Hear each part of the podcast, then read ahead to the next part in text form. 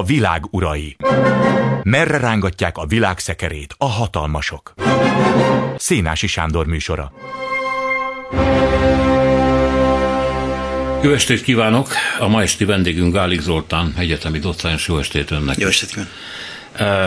A Brexit utóhatásairól beszélünk, tele van ezzel a média, ugye vannak ilyen nagyon poentírozható történések is, mint a McDonald's, ugye, amelyik most leállította a milkshake kiadását, mert ugye a alapanyagok hiányoznak hozzá, de a csirkével is baj van. Hát ennek egy komolyabb változata, és szintén összekötik a Brexit egyik nem kívánatos utóhatásával, hogy állítólag kb. 100 ezer teher és kamionsofőr hiányzik Nagy-Britanniában, Részint persze azért is, mert sokan hazamentek a külföldiek közül.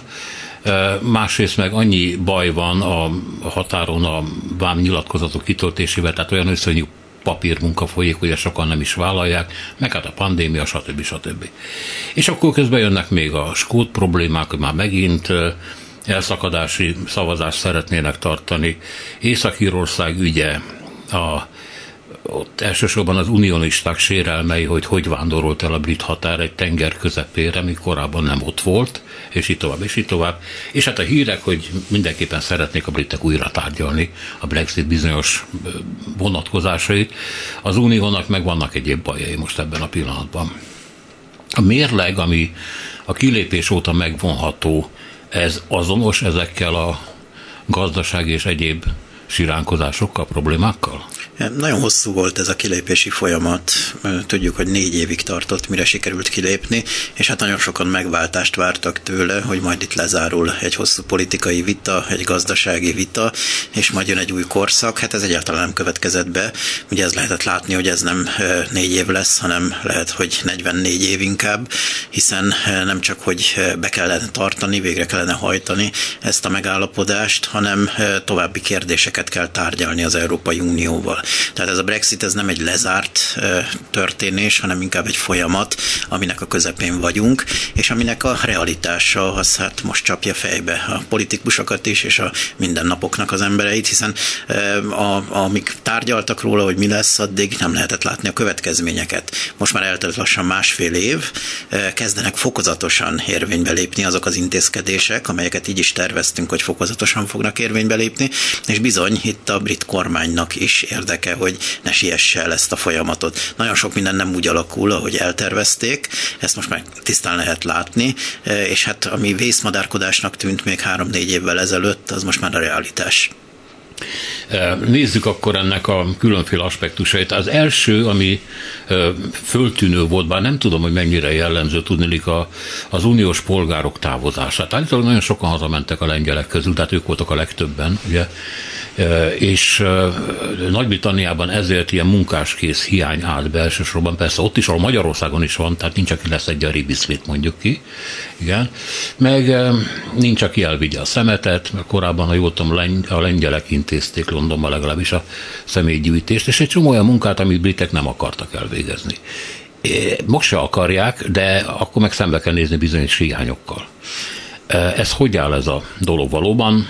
Távoznak Nagy-Britanniából a fiatalok? Mielőtt itt elkezdünk beszélgetni ugye ezekről a különböző területekről, egy nagyon fontos dolgot azért Jó. említsünk meg, és rögtön itt is ez fontos lesz, hogy amíg tartott ez az elvállás, addig ugye az Európai Uniónak, meg a briteknek bizonyos csoportjaira hivatkoztak a Brexitet támogatók, hogy vészmadárkodnak, rosszak a statisztikák. Most viszont jönnek ki a brit kormánynak a statisztikái, jönnek ki azok a számok, amelyek most már tisztán mutatják, hogy milyen következményekkel évekkel jár a Brexit, bár a tisztát azért nem biztos, hogy, hogy úgy kell értelmezni, hiszen az a koronavírus járvány is ugye betett itt a gazdaságnak elég csúnyán, de mindenképpen most már ezek, ha például itt a, a, a kamionosoknak a számát nézzük, akkor ez nagy brit cégeknek a képviselői mondják, hogy ennyi kamionos hiányzik nekem, vagy a statisztikai hivatal jelenti, hogy a munkaerőpiacon ilyen hiányok vannak, vagy látni, hogy nincs meg a megfelelő mennyiségű szociális munkás, mert egyszerűen más állások felé néznek, ami kecsegtetőbb ugye pénzügyileg, anyagilag, vagy éppen a, a távozó európai cégek helyett máshova mennek. És hát ezek a folyamatok ugye nem csak itt a munkaerőpiacon, hanem más területeken is érezhetők. A másik, ami nagyon fontos lesz, hogy nem csak az Európai Unió irányából van egy nagyon kemény bürokratikus rendszer kiépítés, mert ez van, hiszen védjük a közös piacot, hanem maga az Egyesült Királyság is ki akarja alakítani a sajátját. És a két érdekrendszer kezd össze különbözni, és hát nem is csak érdekekről van szó, hanem szabályozásokról. Ezt akarták a britek, egy más szabályozási rendszerbe akartak lenni, ezt viszont föl kell építeni. Hát ennek vagyunk most a közepén, és akkor itt bele esünk ugye az egyik legfontosabb témába, aminek a legmesszehatóbb következményei vannak most a munkaerőpiacon tapasztalható anomáliák. Ugye itt az Egyesült Királyságban a foglalkoztatottság az most nem olyan rossz, hiszen a pandémia után nagyon be fog pörögni a gazdaság, és felszívja a munkaerőt, és hát ennek a következménye az, hogy egyszerűen nincs elég ember, hiszen távoztak valóban nagyon sokan. Ugye itt nagyon rémisztő számok vannak egyébként, elhangzott ez a 100 ezer fő itt a kamionsofőröknél, és ez igaz is, ha jól tudom, 120 ezeren mentek el, és abból csak tizenvalahány ezeren tértek vissza bizonyos országokból, tehát ilyen arányok vannak, tehát óriási munkaerőhiány van, és hát megtörtek azok a termékláncok, amik ezen keresztül ugye a, a, a szupermarketekbe a különböző készterméket előállító cégeknél az elmúlt 40 év folyamán nem jelentettek problémát ha az ember fölmegy az internetre, ugye egy csomó ilyen negatív példát lát. Éppen tegnap olvastam, hogy az egyik brit cégnek a kis cég egyébként a beszállítója panaszkodott, hogy kapott egy megrendelést, és hát régen, ez körülbelül egy-két napba telt, hogy megrendelés után be tudta szállítani az árut. Most nem tudja beszállítani, mert az Európai Unióból viszonylag gyorsan bejön az áru, de a brit kormány olyan eh, bürokratikus akadályokat állít föl, amit 15 ponton keresztül eh, egy egész napját elveszi arra, hogy eh, egyáltalán csak gondoljon rá, utána még egy napját, hogy elinduljon ez, és a végén a 15 napos beszállításból 45 napos lesz. Közben már az áru tönkre is ment, nagyobb cashflow-ra van szüksége, tehát mondhatjuk azt, hogy a gazdaságnak ezeket a mikrofolyamatait is teljesen tönkretette ez a hihetetlen bürokratikus rendszer, ami kialakul de valóban a európaiak, mondjuk főleg kelet-európaiakról van itt szó, nagy mértékben mennek haza, mert mondjuk a magyarokat illetően meg azt lehet hallani, hogy legalább 120 ezer magyar adta be a tartózkodási kérelmét. Igen, ebben ugye az a nehézség, hogy ezeket a számokat itt az ember hallja, hogy az Egyesült Királyságnak a, a bevándorlási rendszere, de hát ugye itt a, központi probléma, a központi lakcím nyilvántartó rendszer, az hiányzik. Ugye mindig egy olyan folyamat volt, és olyan statisztikai adatokra épült az Egyesült Királyságnak a különböző migrációval kapcsolatos statisztikai rendszere, ami inkább a, a bejövő és a kimenő embereknek a számát vizsgálta, hiszen bent nem tudta ezeket vizsgálni. Az Európai Unióban ugye ez a mozgás szabad volt, tehát nincsenek igazán jó számaik, ezért próbálták meg bürokratizálni ezt a, e, ugye az regisztrációs rendszerrel, hogy legalább tudják, hogy egy adott pillanatban hányan vannak. Most lezárulnak a határok, visszahozzák a rendszereket, tehát megpróbálják magukat utolérni, de nagyon nehéz válaszolni, hogy valóban tényleg ennyien voltak. Ezt szerintem még ők maguk sem tudják pontosan. A másik a, a bankok, ugye a City az hát eléggé nyilvánvaló, hogy a világ egyik legfontosabb bankközpontja, tőzsdei központja volt, és hát onnan folyamatosan mennek el a nyugat-európaiak is állítólag Frankfurtban, már mint Frankfurt a Mainban, ami amúgy is egy, hát szintén egy óriási bankközpont, épül neki Európa új pénzügyi központja. Mások meg azt mondják, hogy nem kell ezt eltúlozni ezt a problémát, mert a britek most éppen a a távol-keleti, meg orosz, meg mindenféle picik ilyen gyanús hátterű pénzekkel nagyon szépen el lesznek majd. Ugye ez a kérdés is nyitott, nem tudjuk, hogy mi lesz, ugye hát nem lehet mindig ezt választani. Azért föltételezés, mert ugye az Európai Unióval sokáig tárgyalt az Egyesült Királyság, de a szolgáltatásoknak a pontos áramlásának a rendszerét azt egészen most tavaszig nem körvonalaztuk, vagy nem zártuk le mondjuk.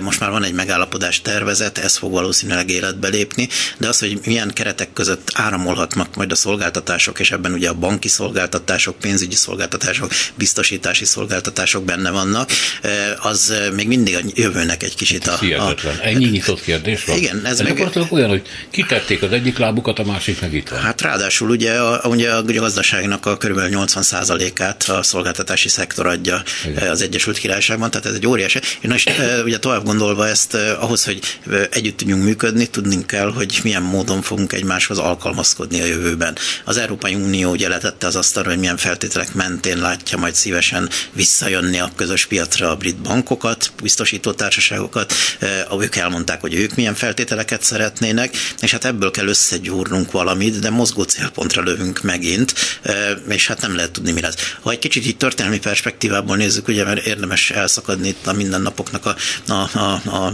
az elemzésétől, és inkább kitekinteni. Ugye az Egyesült Királyságnak a bankrendszere egyeduralkodó volt a 19. században, modern pénzrendszer, ugye ő hozzá kapcsolódott. Aztán ez az Amerikai Egyesült Államoknak a szerepvállalásának a növekedésével ugye egészen más keretekbe ment, tehát második világháború után már az Amerikai Egyesült Államok is kezd jelen lenni, ugye nemzetközi tőkepiacokon, és a britek folyamatosan visszaszorulnak. És az Európai Unió tagság az önmagában nem hozta meg a pénzügyi szektor erősödését, de amikor a hatalmas liberalizáció megindul a 70-es évek vége, ugye 80-as évek Margaret Thatcher, és elkezdenek a pénzintézetek virágozni, hatalmas tőke vagyonuk lesz, megkezdik ugye a globális terjeszkedést is. Ennek nagyon nagy szerepe volt az Európai Unióval és az akkori európai közösséggel való kapcsolatokban.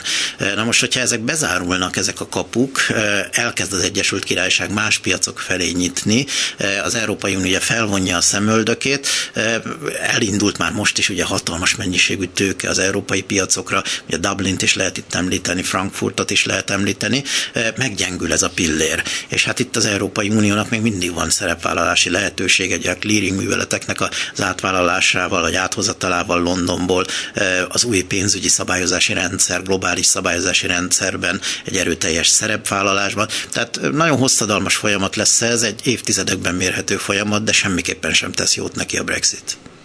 De ez hogy lehet, hogy a britekkel ilyen nehezen megy? Az a baj, hogy volt egy volt egy birodalmuk és minden mástól különböző szabályrendszerük, mert mondjuk Norvégia se tagja az Európai Uniónak, mégis kiválóan tudnak együttműködni, de vehetjük Svájcot vagy másokat, hiszen nem olyan rendkívüli dolog ez Európában. Harmonikus az együttélés és a, és az együttműködés. Igen, hogy tegyük hozzá, ugye az európai gazdasági térségen keresztül működik ez a rendszer, ahol nem részei a Vámuniónak, tehát ebben az Egyesült Királyság is mondjuk osztja ezt az álláspontot, viszont átveszi az európai szabályozásoknak körülbelül a 90%-át ja, Norvégia.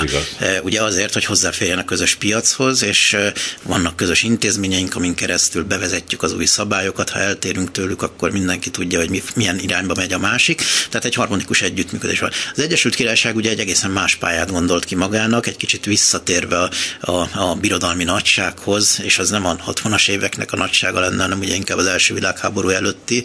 E, ugye mindenki azt gondolta, hogy majd itt az új e, nemzetközösségre épülő kapcsolatrendszerre Ausztráliával, e, Amerikai Egyesült Államokkal, Szingapurral, és hát a globális bankrendszer, ami nagyon erős egyébként, tehát a globális szerepvállalásán keresztül a pénzügyi piacokon vissza tud majd menni a világpiacra egy olyan szerepben, ami egy önálló és e, egy saját rendszer lehet. De hát eznek a realitása ugye már most is látszik, hogy nagyon kicsi előtte, és mindenki mondta, hiszen ezek a piacok már integráltak egymásba, e, hiszen e, az Egyesült Királyságnak nem biztos, hogy akkor a tőkevonzó képessége, különösen, hogy most a gazdaság is visszaesett, hogy ezek a makrofolyamatok, amik most még ezekről nem is beszéltünk, ugye a gazdaságban egyelőre, hm, hát mondjuk úgy, hogy legalább egy tíz éves táblatban kiegyensúlyozott helyzetben, kiegyensúlyozott kiegyensúlyozatlan helyzetbe hozza a gazdaságot, tehát ezek nem biztos, hogy megvalósíthatók ilyen gyorsan. És hát most találkoznak a realitással is, ugye az amerikaiak, a Biden adminisztráció kicsit húzza a száját attól, hogy itt most gyors megállapodásra törekedjenek az Egyesült Királysággal a szabadkereskedelmi szerződésben. Ausztrália mm, a maga 37 milliárd, milliós mar, piacával, ugye lakosságával nem egy óriási piac az Egyesült Királyságnak, Látszanak a különcködések ezekben a szerződésekben már, ugye most került nyilvánosságra, hogy például a Párizsi Klímaegyezménynek a pontjait nem akarják beépíteni az Ausztrál szerződésbe. Ez ugye már is furcsa lesz majd európai részről, hogy akkor olyan termékek jöhetnek be, amik esetleg ezeknek nem felelnek meg, és már is ugye mi hátrányba kerülünk. Tehát egy kicsit így a realitás azért egészen más, mint amilyen rózsás képet festettek pár évvel ezelőtt. Hát leginkább az amerikaiban a nagy tesóban reménykedtek, ugye? Nem tudom miért, hogy Amerika küldött olyan jeleket, hogyha kiléptek onnan, akkor oké okay lesz. Trump, igen, a Trumpék Trump egyértelműen mondta, igen, persze, hogy akkor azonnal majd itt szerződés lesz, csak hát ugye, amikor itt már megint a realitásokról beszélünk, meg tárgyalunk, akkor itt nem két egyenlő félről van szó. Még akkor is, hogyha az Egyesült Királyság a világ hatodik, hetedik legnagyobb gazdasága, akkor is ugye egy amerikai piaci méret, vagy egy amerikai szabályozási rendszer, az teljesen különbözik az Egyesült Királyságtól. Hát Itt egy minden filmből ismerjük, hogy igazából, amikor egy amerikai elnök megérkezik Londonba, akkor ott ki a főnök. Hát igen. És hát Ez ugye... egy, egyébként nagyon sok ellenszem, tehát megnézi az ember ilyen angol filmekben, mondjuk ez az igazából szerelem, vagy mi volt a címe? ahol a brit miniszterelnök nem hajol meg az amerikai elnök akarat előtt, és akkor egy óriási ováció, a nemzet megtapsolja. Tehát van ezzel szemben ellenérzés. De egyébként mi az oka annak, hogy hogy a Biden adminisztráció is húzza a száját, ahogy ön mondta. Tehát miért nem omlanak egymás karjaiba? Nagyon nehéz tárgyalásokról van szó. Tehát amikor, ugye, hogy megint kicsit történelmi kontextusba helyezzük, ha megnézzük az Európai Uniók a külkapcsolati rendszerét, akkor a 60-as évektől kezdve egy hihetetlen virágzó és szerteágazó és többszintű kapcsolatrendszert alakít ki, nemzetközi kapcsolatrendszer. Ez a kereskedelem politikája az Európai Uniónak tele van együttműködési szerződéssel, vannak társulási szerződések, vannak más típusú beruházási szerződések, stb. De egy nagyon-nagyon élénk, és, és még most ugye az elmúlt öt évben, tíz évben is nagyon dinamikusan fejlődő rendszerről volt szó. Az Amerikai Egyesült Államok sokkal óvatosabb volt, egészen a 90-es évekig ilyen típusú megállapodásokat nem nagyon kötögetett, utána kezdi el ezeket csinálni, de ha a két térképet így egymás mellé tesszük, látszik, hogy az európainak sokkal intenzívebbek a kapcsolatai. Most ebbe az Egyesült Királyságot ugye be lehetne lehetne vonni, de ugye e, egy teljesen más piaci rendszerrel rendelkezik egy Európa konformal, és ha elkezdi elszívni erről, hát a, a, megint e, ugye történelemben egyértelmű volt, hogy Amerika Egyesült Államok az volt a jó, hogy a briteken keresztül bejuthat az európai rendszerbe, szabályozási rendszerbe, egy ugródeszkaként használhatja a britteket. Most így elszívná ugye ezeket a szabályozási rendszereket, és hát a britek meg azért, e, ahogy mondtam, itt most ha a klórozott csirkéről van szó, vagy éppen az amerikai acél acéliparnak az erejéről, akkor azért nem egyenlő partnerek, és ezt azért érzékeltetik ők is. Ilyenkor jönnek a viták, ez egy hosszú folyamat lesz, és hát egy ilyen tárgyalási sorozat nem években, hanem évtizedekben mérhető. Ó, oh, hát ez nagy pofon. És merre lehet kereskedni Nagy-Britanniának? Mert említette egy új helyszíneket, ugye a Commonwealth kereteink közül, de hát ott már azért régen nem a háború utáni viszonyok, pláne nem a háború előtti viszonyok uralkodnak. Ezt mutatja egyébként, hogy hány helyen szeretnék a államfői posztól fölmentetni második Erzsébetet, ami egy jelképes gesztus arra, hogy nem nagyon kérünk belőletek azért. Ugye nagyon sok felé próbálkoznak, természetesen kötik az új szerződéseket a britek, de néha hát egy kicsit ilyen kaján vigyorral nézik az európai integráció felől, hogy azokat a szerződéseket kötik újra, amivel az Európai Unió rendelkezett. Annál többet nem nagyon tudnak kötni. Ugye ahhoz, hogy ezt megértsük, tudni kell, hogy milyen típusok a mostani nemzetközi szerződések, amelyek ilyen kereskedelmi szerződések, vagy akár beruházási szerződések. Sok újat nem lehet kitalálni, ugye van egy GATT keretrendszer, majd pedig egy világkereskedelmi szerződésrendszer. E, ezek már nem olyanok, mint a második világháború után, mert az általános vámtarifa e, szintet azt levitték nagyon alacsonyra. Vannak termékek, ahol magas, de azért alacsony a szint. Amiben szoktunk tárgyalni, az most már a szolgáltatásoknak a kereskedelme, amiben nagyon óvatos mindenki, nem szereti, hogyha bejönnek a cégek. Vannak ugye ilyen e, megállapodások, de nem szeretik olyan annyira felvállalni ezeket vagy például a különböző szellemi tulajdonjoggal kapcsolatos kérdések, a képzéseknek a kölcsönös elfogadása, hogy ezek mind olyan területek, ahol lehet szerződéseket kötni, természetesen és jó, a záruk fognak szabadon áramlani, de igazándiból olyan sokat nem lehet ezen már hozni, mint mondjuk egy 40-50 évvel ezelőtti helyzetben.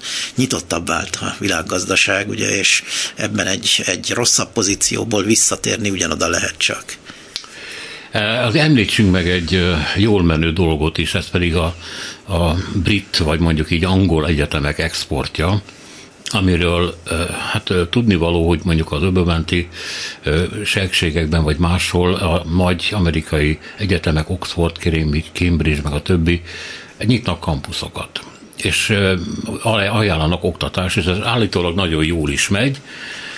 Szakértők azonban azt mondják, hogy hát persze össze nem lehet hasonlítani az, hogy Cambridge Angliában mit nyújt, és mit nyújt mondjuk Bahreinben. Tehát, hogy ezek óriási különbségek, tehát mégiscsak valamiféle színvonalat jelent. És ugye nem véletlenül terjedtek el ezek a brit tudósok, akik kutatták, hogy címmel kezdődő viccek, Emögött az áll, hogy az egyetemi kutatórendszerek nagyon fejlettek Nagy-Britanniában, nagyon komoly tudásfölhalmozáson, és nem véletlen, hogy a tudományos lapok piacát is hát nem is dominálják, de hát nagyon jelentősen vannak ott.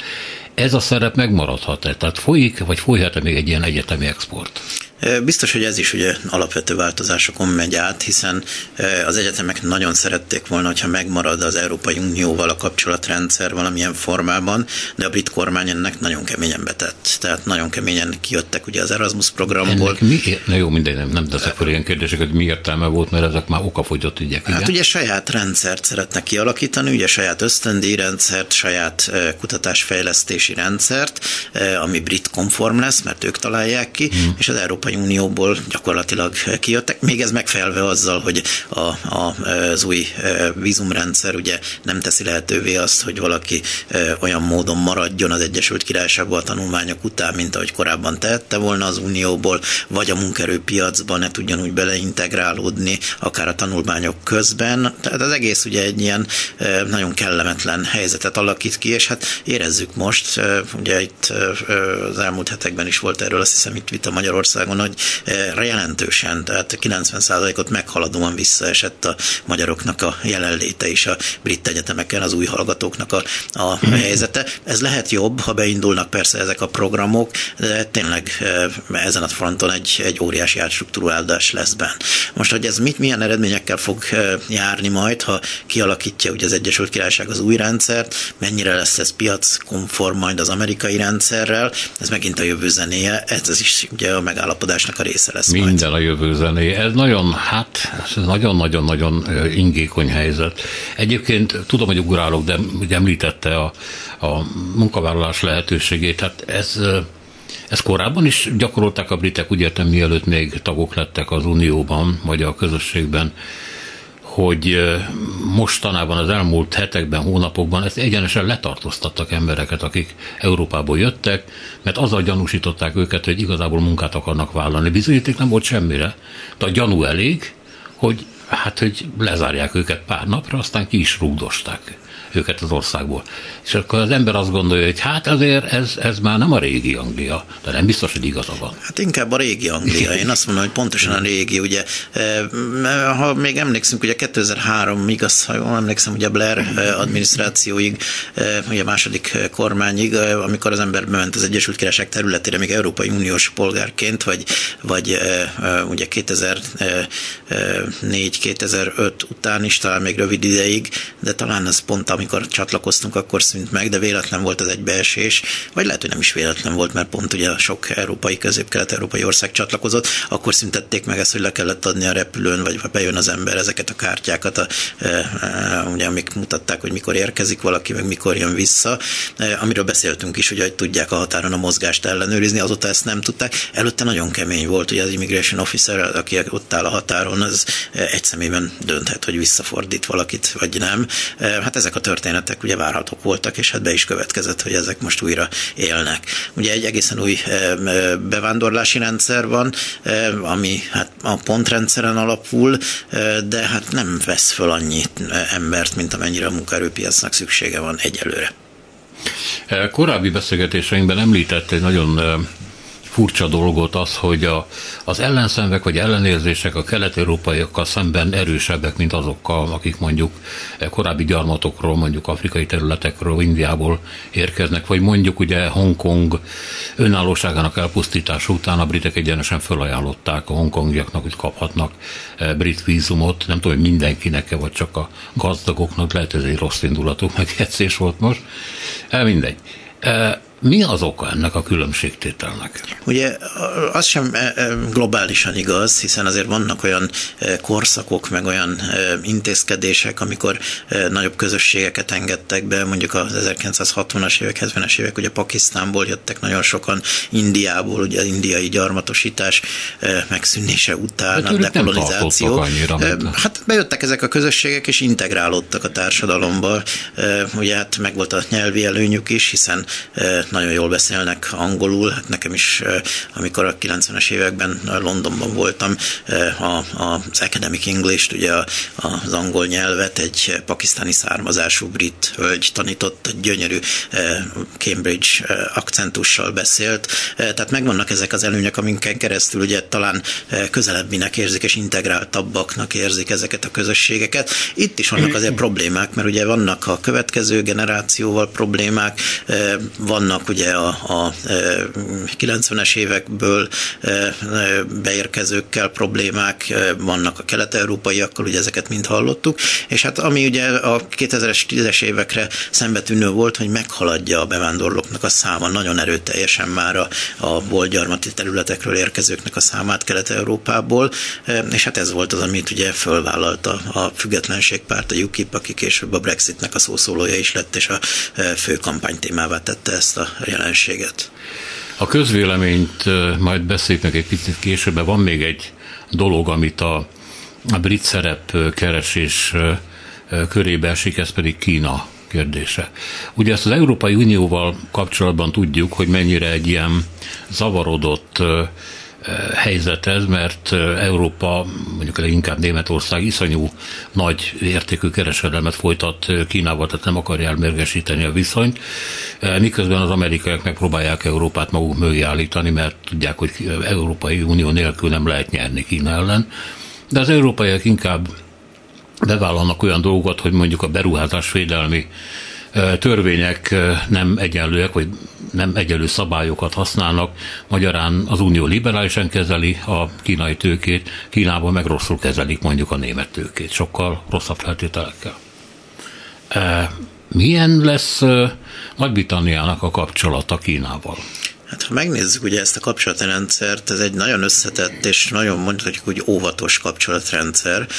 Ugye a briteknek a történelmi tapasztalataik is vannak a térségben, és hát az új kapcsolatrendszernek a, a, nem lehet az sarokköve egy ilyen Kínával fennálló nagyon pozitív viszony, hiszen ugye Kína méretében is természetesen teljesen más e, pályán játszik, és e, ugye e, az az agresszív külpolitika, ami az utóbbi öt évben most már globálisan is megjelent, ez bizony ugye egy morális dilemmát is jelent az Egyesült Királyságnak, tetézve ez ugye Hongkongtól kezdve Tajvannak a kérdésével, és hát még egy nagyon fontos dimenzió bejön ebbe, a biztonságpolitika, hiszen ne felejtsük el, hogy azért a Brexitnek az egyik mellékága az az volt, hogy az Egyesült Királyság szeretne újra nagyhatalmi pozícióba kerülni.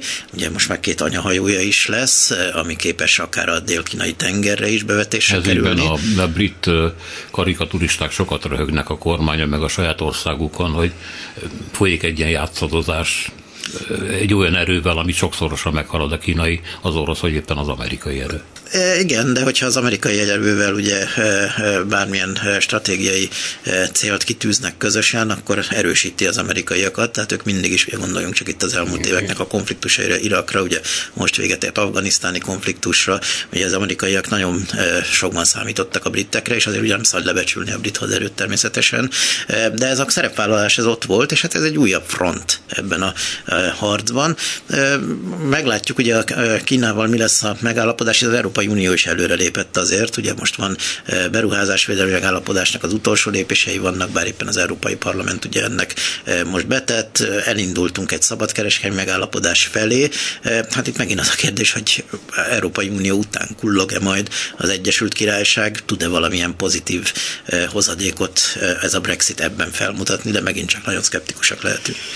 Igen, folyamatosan egy ilyen nem tudom állapotban vagyunk, de voltak azért viszonylag durvának számító lépések, amiben mögött nem tudom, hogy a, az angol száz hogy mondják az intelligence ilyen titkos szolgálatoknak a, a munkája, hírszerzés is benne volt, tehát ez közös lépés volt-e.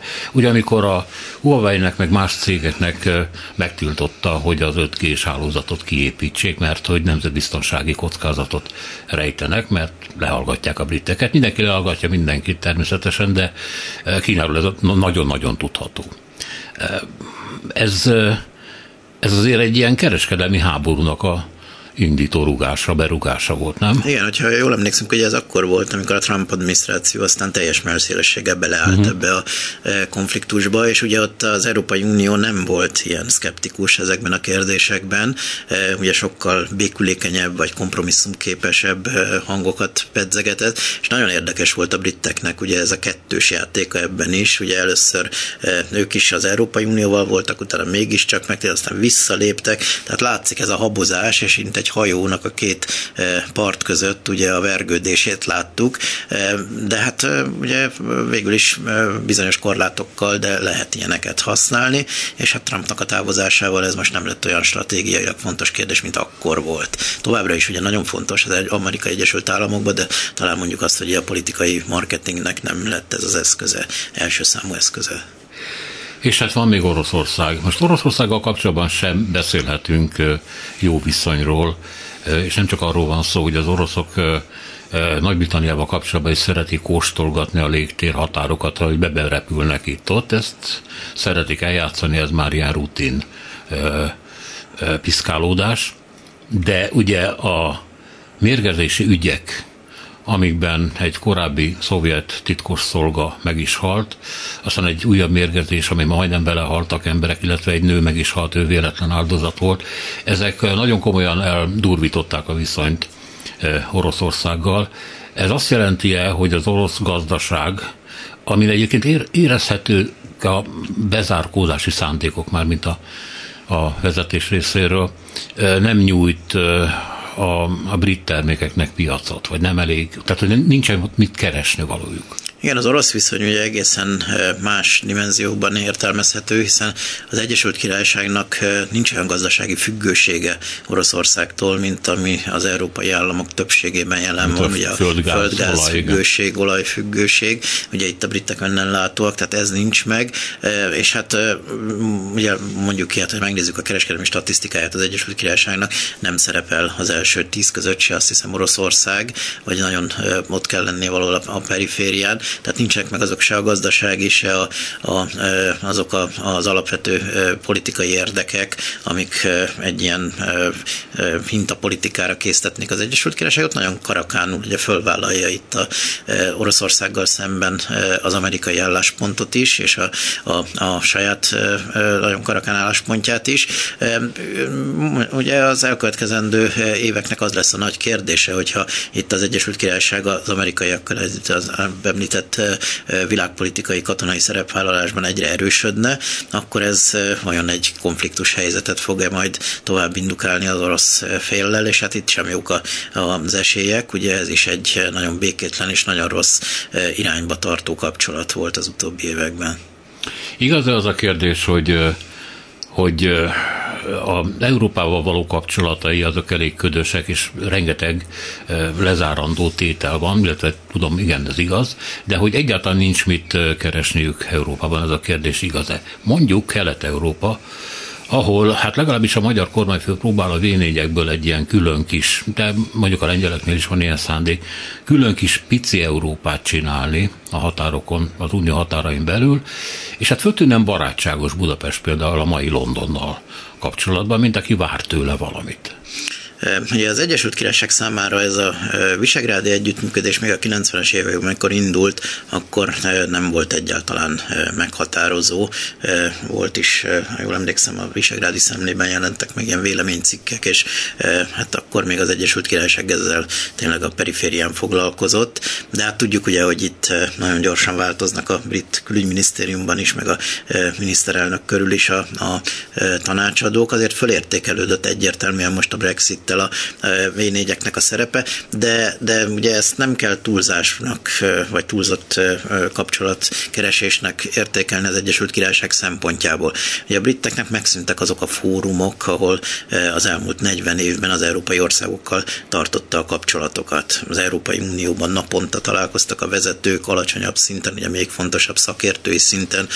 Ezt föl kell váltani egy bilaterális kapcsolatrendszerrel és egy multilaterális kapcsolatrendszerrel. Tormán járt a nyáron, mondom. Ugye ő volt azt hiszem az első, vagy tehát mindenképpen ezek nagyon fontosak a brit diplomáciának, itt tapogatódzások vannak, és ez nem csak azért, mert hát nem csinálták volna ezt évszázadokig, hanem azért, mert egyszerűen az a szakember gárda, az a diplomáciai gárda, az az Európai Unió keretein belül működött 40 évig, most állnak át vissza ezekre, úgyhogy biztos, hogy mind a bilaterális, mind a multilaterálisban fölértékelődik a szerepe, de azért a térség ugye itt nem stratégiailag fontos a britek számára. Uh-huh. Lassan átérhetünk majd a brit társadalomra, hogy hogy éli meg hogy élte meg a Brexitet, illetve annak a következményeit, de van itt még valami, amit mintha mintha a brit szakírók se értenének, és ez pedig Boris Johnson kormányának a működése, vagy éppen tétlensége, és egy csomó dolog, amit ön például felsorolt, az orvosolható lenne éppen a brit gazdaság és a jobb politikai közérzet érdekében, de Johnson egyszerűen minden, minden változást visszautasít, tétlennek tűnik, tunyának tűnik, az is talán, mint aki attól fél, hogy ha kicsit mozdul, azzal is nagy bajt csinál.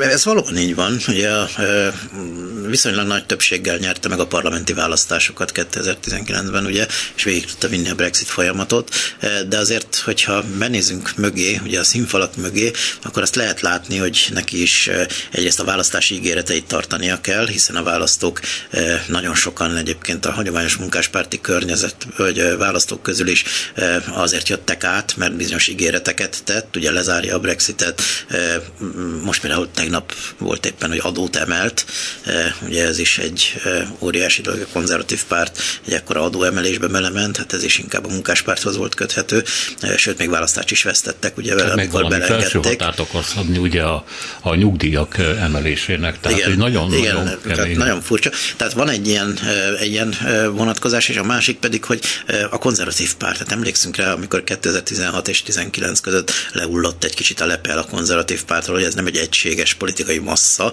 hanem nagyon erőteljesen jelen van benne a szélsőséges, jobboldali nacionalista gondolatoktól kezdve, és a UKIP-nek a, a, a pártagságán keresztül, akik beszivárogtak a konzervatív pártba, egészen a hagyományos konzervatív képviselőkig, és a politikai ideákig a, a rendszerben, és hát emlékszünk rá, amikor elindult egy irányba, akkor azonnal megpróbálták leváltani a Tereza May-t is akkor a, a e, képviselők, és neki ennek is meg kell felelnie, hiszen e, mondjuk azt, hogy e, rövid pórázon van tartva itt a, a, a konzervatív párton belül, illetve hát a parlamenti frakción belül is.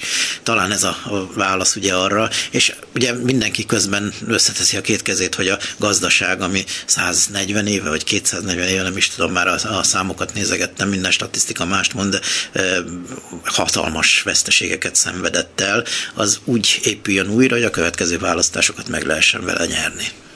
Hát ha meghallgatta volna önt, Boris Johnson, akkor ezt nem hinné.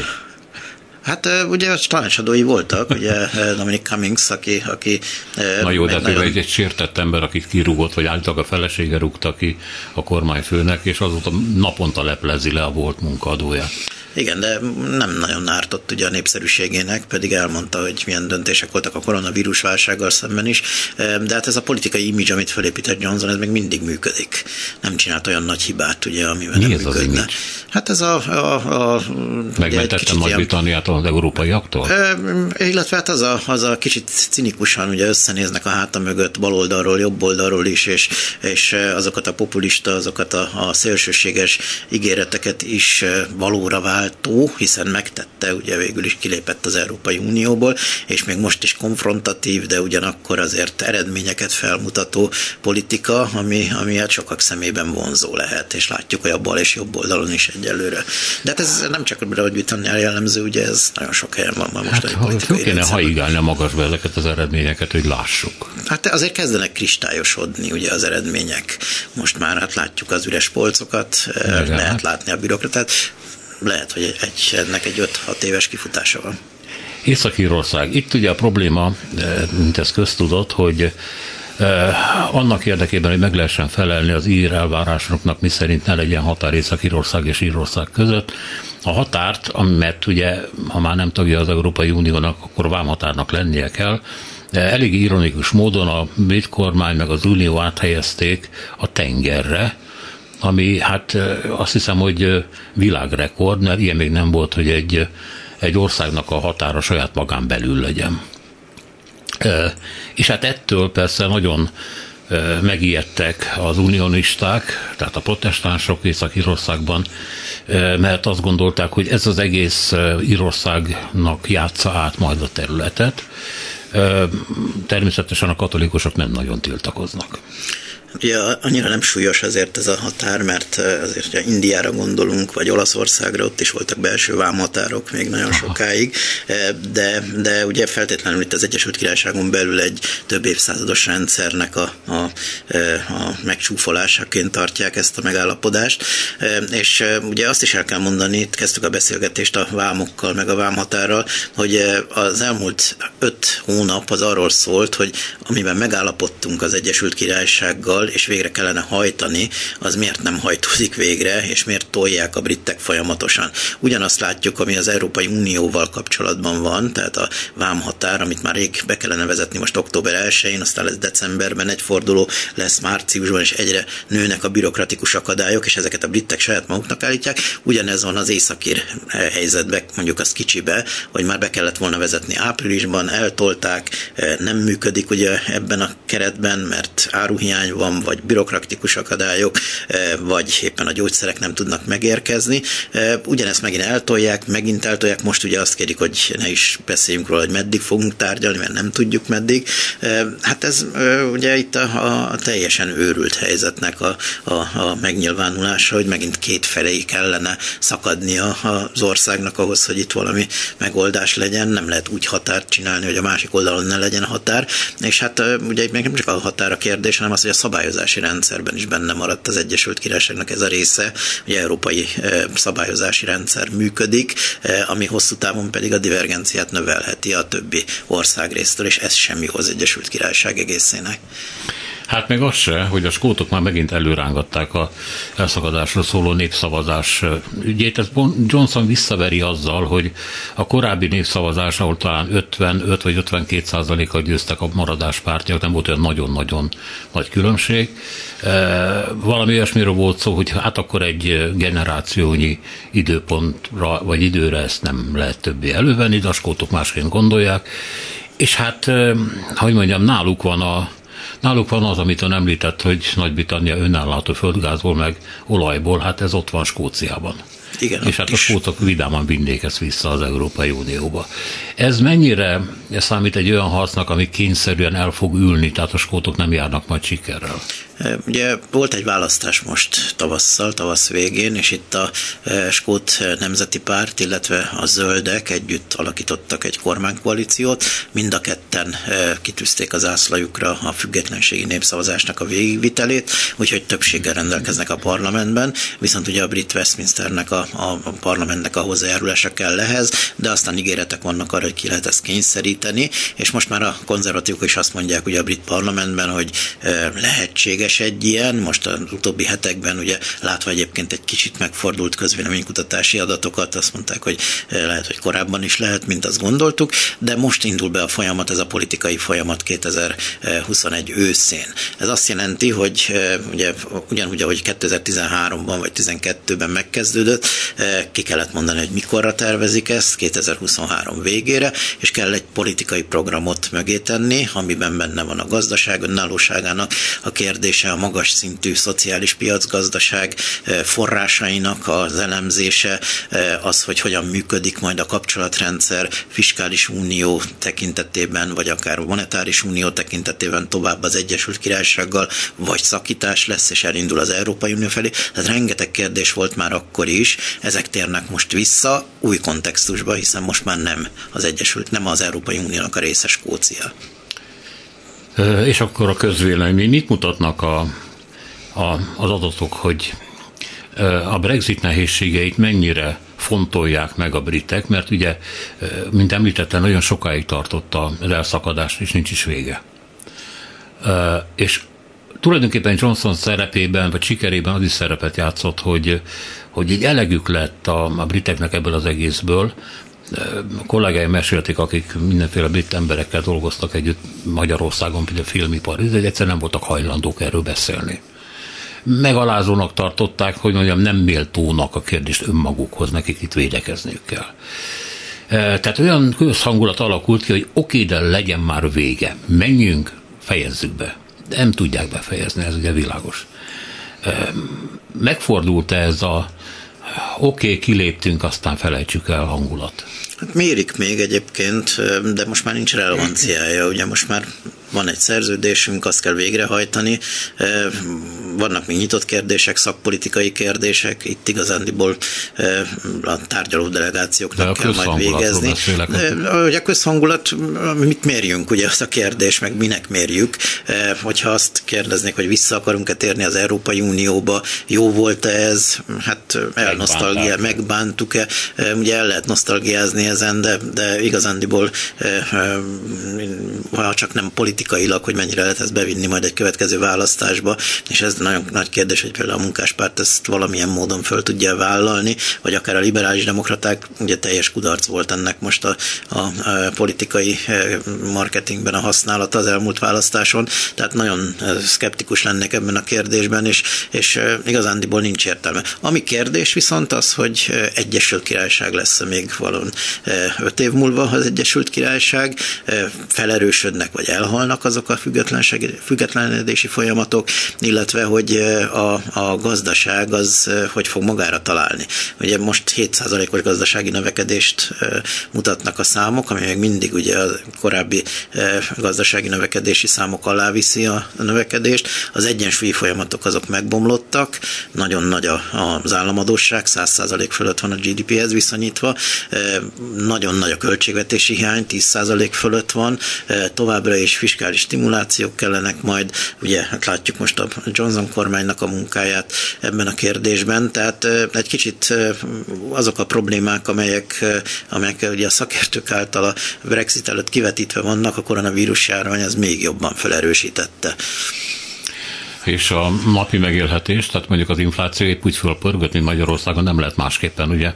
Amikor elkezdik nyomtatni a pénzt, hát, hogy mondjam, csak nyakra főre, akkor ez, ennek ez a vége. Hát ugye, a, a, a, ugye ez a probléma, ez főleg a, a 60-as évek végétől 70-es évek elején volt, ugye ott 15% fölött is volt az infláció. Régi, és a régi kint élő magyarok nosztalgiáznak, hogy mennyit ért a font a 60-as években és a 70-es években, hogy zuhant meg. És igen, igen ez, ez, ez, és ugye ez akkor következik be, amikor az állam elkezdi használni majd azokat a, a, a fiskális eszközöket, amik a, mondjuk az adósságnak az eltüntetésére alkalmasak, tehát ami most következik, egy felfutó fázisban vagyunk, ennek lehet majd a következménye 5-10 év múlva egy még nagyobb inflációnak. Ugye ez egy gazdaságilag egy egészen más klímát jelent, mert nem, hoz, nem szokott ehhez hozzá az Európai Unió se és az Egyesült Királyság se. Említette a, említette a Torika kapcsolatban, hogy az így lelepleződött, tehát legúta lepelt arról, hogy nem egy egységes táborról van itt szó, hanem egy nagyon megosztott társaságról, amiben például a, a nacionalizmus igen erősen jelen van, és az ember arra gondol, hogy ugye a Brexitben ez egy elég jelentős szerepet játszott, hogy talán még mindig a birodalom utófájásairól van ez szó, mert az ember ezért azt gondolna, hogy ennyi évtized után ez nincs, de ez nem ilyen egyszerű. A letűnt dicsőség az mindig ott, hogy mondja az angol looming, tehát hogy ott dereng valahol a horizonton, arról nem lehet elfeledkezni, arra lehet fölfüggeszteni a tekintetünket, kik voltunk valaha, és így tovább. Voltak-e olyan, olyan illúziók, amik ezt a, ezt a birodalmi élményt akarták, vagy szerették volna újjáépíteni valamiképpen? Hát természetesen, ugye, hogyha visszagondolunk rögtön a, a népszavazás után három-négy héttel, amikor az új kormány kiállt, akkor megkérdette a Global Britain, ugye a globális Britannia politikát, aminek az lett volna a része, hogy visszatér ezekhez a kapcsolatokhoz, a nemzetközösséghez, és globális pénzügyi piacokon majd meghatározó szerepvállalással be fog türemkedni mindenhol, és a fejlesztés nemzetközi nemzetközi fejlesztéspolitikában eh, meghatározó szereplő lesz újra, még meghatározóbb, mint amilyen most. Tehát voltak ilyen törekvések természetesen, eh, de ami ugye sokszor ennek az egésznek a magjában van ez az identitás politika, vagy az identitás képzésnek a politikája, eh, az ugye most megbisaklik nagyon sok területen. Ugye maga a birodalmiság az mindig a britséghez kapcsolódott a 19. században, és az Egyesült Királyság a második világháború után azért a, ugye biztonsági tanácsi tagságon keresztül eh, szerepet vállalt a világügyeinek a szervezésében. Most amikor elkezd szétmarcangolódni, ez egy egyébként sem egységes, ugye itt a nemzet fogalom az egészen más keretekben értelmezendő, ugye eh, ismerjük a, a eh, sokféle szociológusnak és politológusnak a meghatározását ebben a tekintetben, ugye egy skót, egy ír, egy velszi, egy helyi közösség, hát mennyire nem csak az, hanem amikor a, a Black Lives Matter mozgalom végigvonul London, és kiderül, hogy hány színes bőrű van ott, aki és a britségnek egy szeletét ki egyenesen a szemétdomra akarják kidobni. Pontosan, ugye ezek is, ezek is az elmúlt 40 évben egészen más irányba hatottak, tehát ebből kiépíteni megint egy ilyen egységes identitáspolitikát a háttérben szinte lehetetlen, úgyhogy ez is én úgy érzem, hogy egy kudarccal végződhet, hiszen, hiszen nincsenek meg ezek a hajtóerők a háttérben. És ezek az utóbbi, most utolsó kérdés az lenne, az utóbb említett bevándorlók, színesbőrűek, akik egészen más történetet tudnak magukról. És a brit történet egy részét legalábbis el akarják felejteni, nem, nem értik a sajátjuknak. Na. Attól még ők le, le, britek lesznek, csak ez egy más fogalmat jelent majd. Mit, mit visznek ebbe bele? Hát kérdés, hogy britek vagy angolok lesznek-e, vagy skótok lesznek-e most már, és hogy, hogy hogy tudják ezt megteremteni a modern Nagy-Britanniának, vagy a modern Angliának az alapjait a politikusok, hogyan tudják integrálni ezeket a közösségeket. Ugye egy érdekes dolog lett volna, vagy lehetne, hogy bezárkózik az Egyesült Királyság, létrehozza azt a vizumpolitikát, ami már nem engedi ezeket a közösségeket tovább nőni, de hát ugye egy ilyen globális társadalmi eh, rendszer felé haladó eh, világrendszerben eh, ezek egészen más, hogy működnek ezek a folyamatok, a mai nemzetközi jog és a nemzetközi politika keretei egészen más, hogy teszik lehetővé azt, hogy integrálódjon, vagy visszaintegrálódjon majd utána a nemzetközi közösségbe. Úgyhogy hát egy nagyon érdekes kísérletet látunk ugye itt, ami messze túlmutat azon, hogy most kilépett egy, egy gazdasági közösségből, vagy sem. Hát érdekes volt beszélni egy ország sorsáról, amivel kapcsolatban a legtöbb megalapítás az, hogy meglátjuk, hogy mi lesz. Nem éppen biztató. Köszönöm szépen, hogy itt voltál. Köszönöm szépen. Jálik Zoltán egyetemi docens volt a vendég az elmúlt 52 percben. A műsort Selmeci János szerkesztette, a műsorvezető Szénási Sándor volt. Köszönjük a figyelmüket, minden jót!